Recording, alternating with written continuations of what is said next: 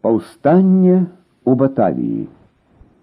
Ноч на 13 лістапада 1926 года. Сакавітая паўднёвая ноч, калі дыхаецца так лёгка і вольна, калі можна адпачыць ад дзённай спёкі.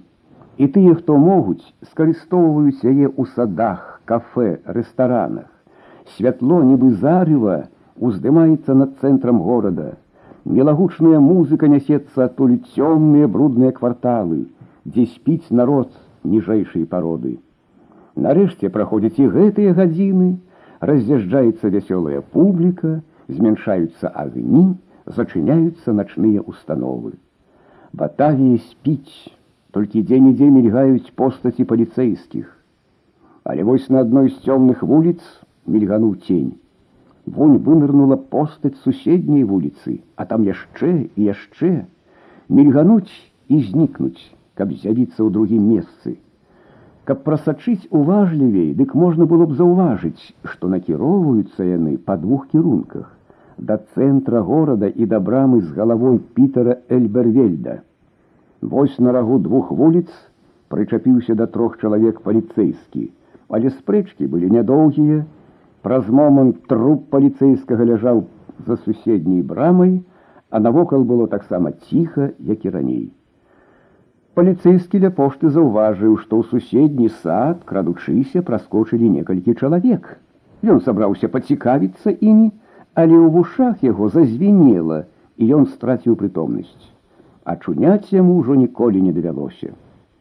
У памяшканні пошты тэлеграфа і тэлефона цішыня ляскаюць нібы без сэнсу апараты, ледзь варушацца сонныя дзяжурныя. Зазвеню телефон. Цэнтральная, адказвае тэлефаністка метыска і чуе усхваляваны голас. Злучыце хутчэй з генерал-губернатарам гаворыць з турмы, але злучыць яна не паспела, раптам шум, грукат расчыніліся дзверы. Не рухацца, загрымеў зычны голас. Памяшканне зараз жа напоўнілася ўзброенымі людзьмі. Не палохайцеся, таварышы, Ужо мякка сказаў той жа голас. Народ сам прыйшоў гаспадарыць у сваёй установе. І служачыя тубыльцы не спалохаліся, толькі моцнае незнаёмае хваляванне ахапіла іх. Але турмы тым часам ішла страляніна. Уварвацца адразу не ўдалося. Прыйшлося абстрэльваць з усіх бакоў, тут былі і нонг з данам. Стрэлы турэмнай варты змешваліся шумам і крыкамі вязняў. Начальник, як шалёны, носіўся з канца ў канец, рэвальверам падбадзёрваючы сваю ненадзейную абарону. Браму, браму ламіце чулася з надворку. Дан першы ухапіў вялізны камень і кінуў да брамы. Нонг бачыў гэта і толькі здзівіўся, адкуль у гэтага хворага чалавека з'явілася такая моц. Страшэнным грукатам трэснуў камень аб браму, зазвенела, застагнала жалезная брама, Адан зваліўся на зямлю, подбег нонг да яго, падняў за плечы, але таму ўжо не патрэбна была аніякая дапамога. Куля трапіла якраз у галаву. Падхапіў нонг дана ў камень, але кінуць не паспеў, неспадзявана пачуліся стрэлы ззаду. Гэта атрад конных жандараў прыляцеў на дапамогу. Уздрыгануліся паўстанцы, замяшаліся. Таварышы, уперад, іх толькі 30 чалавек, пачуўся бадзёры голас але гэтыя 30 чалавек размясціліся сярод будынкаў і садоў, каб акружыць і выбіць іх, патрэбен быў час, а ён быў такі дарагі. Усё ж такі перавага ў колькасці была на баку паўстанцаў. Падзяліліся напалам. Адны пайшлі супраць жандараў, другія зноў кінуліся на турму. І калі поспех быў ужо зусім блізка, пачулася траскатня кулямёта. Падышоў значны атрад войска нават з панцырным аўтамабілем. Город ужо не спаў. Коннікі, аўтамабілі насіліся ва ўсе канцы. Кожнага тубыльца на вуліцы расстрэльвалі. Страціўшы тэлеграфную і тэлефонную сувязь, улада мітусілася і давала процілеглыя загады. З вельтэўрэданам сувязі няма. Паўстанцы напалі на дом генерал-губернатара. У прадмесці майстар Карнеюс паўстанцы руйнуюць урадавыя установы. Выбухнуў пажар у адным месцы, у другім, Вось і з прыёрку відаць зарыва. Ужо ў розных месцах збіраюцца групы, якія нават уступаюць у бойку з салдатамі. Кожная хвіліна ўзмацняе паўстанцаў. Хутка паўстануць усе пагалоўна, і тады не хопіць салдат, хоць іх ёсць многа. Для ўлады патрэбен хуткі і рашучы поспех у галоўных пунктах. Яна ўжо не звяртае ўвагі на стрэлы з розных вуліц і куткоў. І ў гэты момант разносяцца чуткі, што ля турмы паўстанцы разбіты. Але пошта яшчэ трымаецца. З усіх вокон адстрэльваюцца героі. На падлозе ўжо валяюцца забітыя і раненыя. Двое служачых пошты падхапілі зброю і прынялі ўдзел у абароне. Ва ўсіх надзея, што зараз прыйдуць на дапамогу таварышы з турмы, што паўстаўшы народ залье ўвесь горад, але замест таварышаў яны бачаць усё новых і новых салдат. Коло ўсё звужаецца, будынак пошты ўжо шчыльна ахоплены з усіх бакоў. З суседніх дахаў, акон страляюць салдаты, кулі свішчуць з усіх бакоў, а ўнізе ўжо грукочуць у дзверы. Праходзіць гадзіна, другая, змен ніякіх, апрача таго, што салдаты падыходзяць усё бліжэй. Холодны роспач сціскае сэрцы. Няўжо ж усё гэта дарэмна. Няўжо ж паўстанне прыдушана адразу, не можа гэтага быць, трэба толькі пратрымацца як мага болей. Адбітыя ад турмы паўстанцы рассеяліся па горадзе паасобнымі групамі. Яны хацелі сабрацца ля пошты, але спаткалі значны лік салдат. Тады кожная група пачала дзейнічаць паасобку на свой страх. Нонг трапіў у групу з двадцацёх чалавек пад кіраўніцтвам данавага таварыша гурана. Яны хацелі заняць вакзал, але і тут былі ўжо салдаты. Ідзем тады далей за горад, прапанаваў гуран. Трэба папсаваць чыгунку, каб не магла прыйсці дапамога з байтэнзорга. Яны адышлі за горад на некалькі кіламетраў, захапілі чыгуначную будку і з дапамогай розных жалезных рэчаў, якія там знайшліся, пачалі выварочваць рэйкі, валіць тэлеграфныя слупы. Усе суседнія вёскі былі на нагах і гулі, нібы устрывожаныя вуллі. Сцемры з бананавага гушчару вынырвалі адна за адной цёмныя фігуры і далучаліся да працы атрада. Хутка сабралася больш сотні чалавек, і з іх дапамогай было папсавана з паўкіламетра чыгункі. Кожны з сялян жадаў чым-небудзь памагчы агульнай справе, але яны былі бязбройныя, нават крысы не ўсе мелі. Большасць узброілася якой-небудзь гаспадарскай прыладай, але ў іх прымітыўнай гаспадарцы і прылады былі прымітыўныя. З'яўленне 20 добра ўзброеных таварышаў зрабіла моцнае ўражанне, надало больш смеласці і бадзёрасці, Ідзем у батавію, крычалі яны. Інсургенты прыпомнілі, якую бойку ім прыйшлося вытрымаць з салдатамі ў горадзе і не адважваліся весці людзей туды. Нельга вам з вашай зброяй выступаць супраць войска. Хопіць вам і навокал працы. Уздымайце ўвесь народ, займайце установы, спыніце ўсе зносіны між імі, затрымлівайце і абязбройвайце галандцаў, жандараў, паліцыю, нападайте з засады на падсобныя гурткі салдат. Сам жа атрад пачаў радзіцца, што яму далей рабіць, ці вяртацца ў батавію, ці ісці па краіне і ўздымаць народ. Гуран хацеў ісці назад у батавію, каб прыняць удзел у рашучай бойцы. Другія супярэчылі, кажучы, што 20 чалавек не вырашаць лёс у батавіі, а тым часам там глыбей, як узброены асяродак, яны могуць узняць масу і зрабіць больш карысці. У ліку апошніх быў і нонг. Ён запаліўся справай, страціў сваю сарамлівасць, нават аднекуль з'явілася красамоўства. Там на поўдні у бантаме, казаў ён, ёсць шмат зброі, ёсць нават наша добрае войска. Я сам бачыў, яно вырашыць наш лёс, пойдзем насустрач, падрыхтуем яму дапамогу па дарозе. І ён расказаў пра ўсё тое, што бачыў і ў якіх падзеях прымаў удзел. Таварышы, пачуўшы, што гэты ціхі хлапец меў дачыненне да такіх падзей і асоб, прасякнуліся да яго пашанай. Тым часам пачало віднець, выступілі на кругавідзе горы, затым бліснулі іх верхавіны. У гэты час прыбеглі з батавій два таварышы і паведамілі, што пошта ўзята салдатамі і захоплена 49 паўстанцаў. Разрозненыя групы адстрэльваюцца ў розных месцах горада. Нельга спадзявацца, каб ім цяпер удалося дасягнуць якога-небудзь значнага поспеху без дапамогі збоку. А ці можна спадзявацца на гэтую дапамогу? У раёне баталіі ўзброенай сілы ў нас болей няма, сказаў Гуран. Значыцца, трэба пакінуць баталію, падхапіў нонг, ісці на поўдзень, дзе збярэцца вялікая ўзброеная сіла. З гэтым павінны былі ўсе згадзіцца. Перад паходам вырашылі адысціся ў бок і гадзіны са дзве адпачыць. Праз гадзіну у атрад прывялі галандскую сям'ю, якая ўцякла ў баталію свайго маёнтка. Паважаны мінгер, тоўстыя мефрау і двое дзяцей восьмі-дзесяці год трэсліся, чакаючы смерці. Бярыце ўсё, усё толькі не забівайце, прасіўся галандец.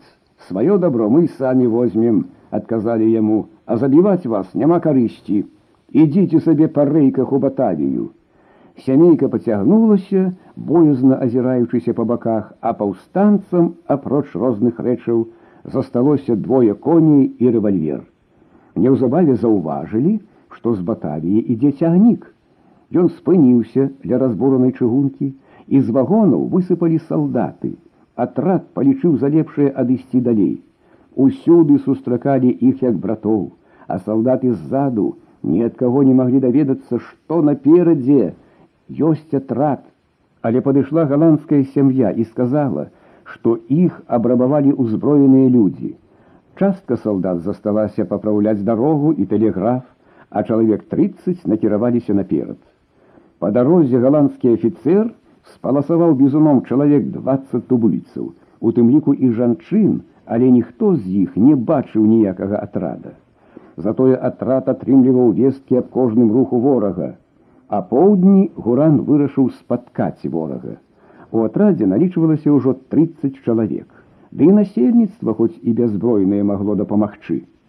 Размясціліся сярод гушчару і пачалі чакаць. Войска ішло досыць нядбала. Яно не думала, што бяззбройныя сяляне адважацца напасці на яго. Першы залп зваліў чалавек 12, а рэшта адразу кінулася на ўцёкі, за імі вымушаны быў бегчы і афіцэр. Адбегшы, яны пачалі адстрэльвацца. У перастрэлцы страцілі яшчэ трох чалавек. Гнацца ж далей паўстанцы не захацелі, бо салдаты адступілі туды, дзе астатнія салдаты папраўлялі чыгунку. Паўстанцы з аднаго свайго раненага атрымалі 15 вінтовак. Але важней за вінтоўкі былі чуткі аб вялікай перамозе, якія паляцелі ад кампонга да кампонга, уздымаючы дух народа. Праз гадзіны тры Ззаду пачуўся тупат, і сярод пылу неспадзявана паказалася чалавек сорок коннікаў. Хавацца было позна. Прыходзілася пачынаць бойку. Кавалерысты злезлі з коней, паўстанцы рассыпаліся і пачалася перастрэлка. Абодва бакі, схаваўшыся за дрэвамі, не дужа шкодзілі адзін аднаму, але час ішоў і не было ніякага выніку. Потым заўважылі, што двое салдат селі на коней і галопам паехалі назад. За дапамогай паехалі, сказаў гуран. Гэта нам нязручна, трэ было б адарвацца ад іх. Але як тут адарвесся, калі яны, асабліва з коньмі, маюць магчымасць увесь час вісець над каркам, заўважыў другі таварыш. Хай тады чалавек 10 з нас паспрабуе зайсці ім у тыл і напасці на коней, прапанаваў нонг. Прапанова была слушная. Зараз жа 10 чалавек на чале з нонгам пайшлі назад А рэшта узмацніла страляніну. На паўкіламетра ззаду быў кампонг. Нонг накіраваўся туды, вёска здавалася бязлюднай, а ніводнага чалавека не знайшлі ў ёй. Пустыя халупы туліліся між дрэў, як халупа нонга ў яго кампонгу. Але праз некаторы час з гушчару адзін за адным пачалі з'яўляцца мужчыны. Хутка вакол сабралася іх чалавек 50. Нядоўга прыйшлося ўгаворваць іх, каб яны дапамаглі. Зараз жа 60 чалавек звярнулі ў бок і зніклі ў зарасніку. Няма чаго казаць, што мясцовыя жыхары па добра вядомых ім сцежках хутка выйшлі ў тыл кавалерыстам.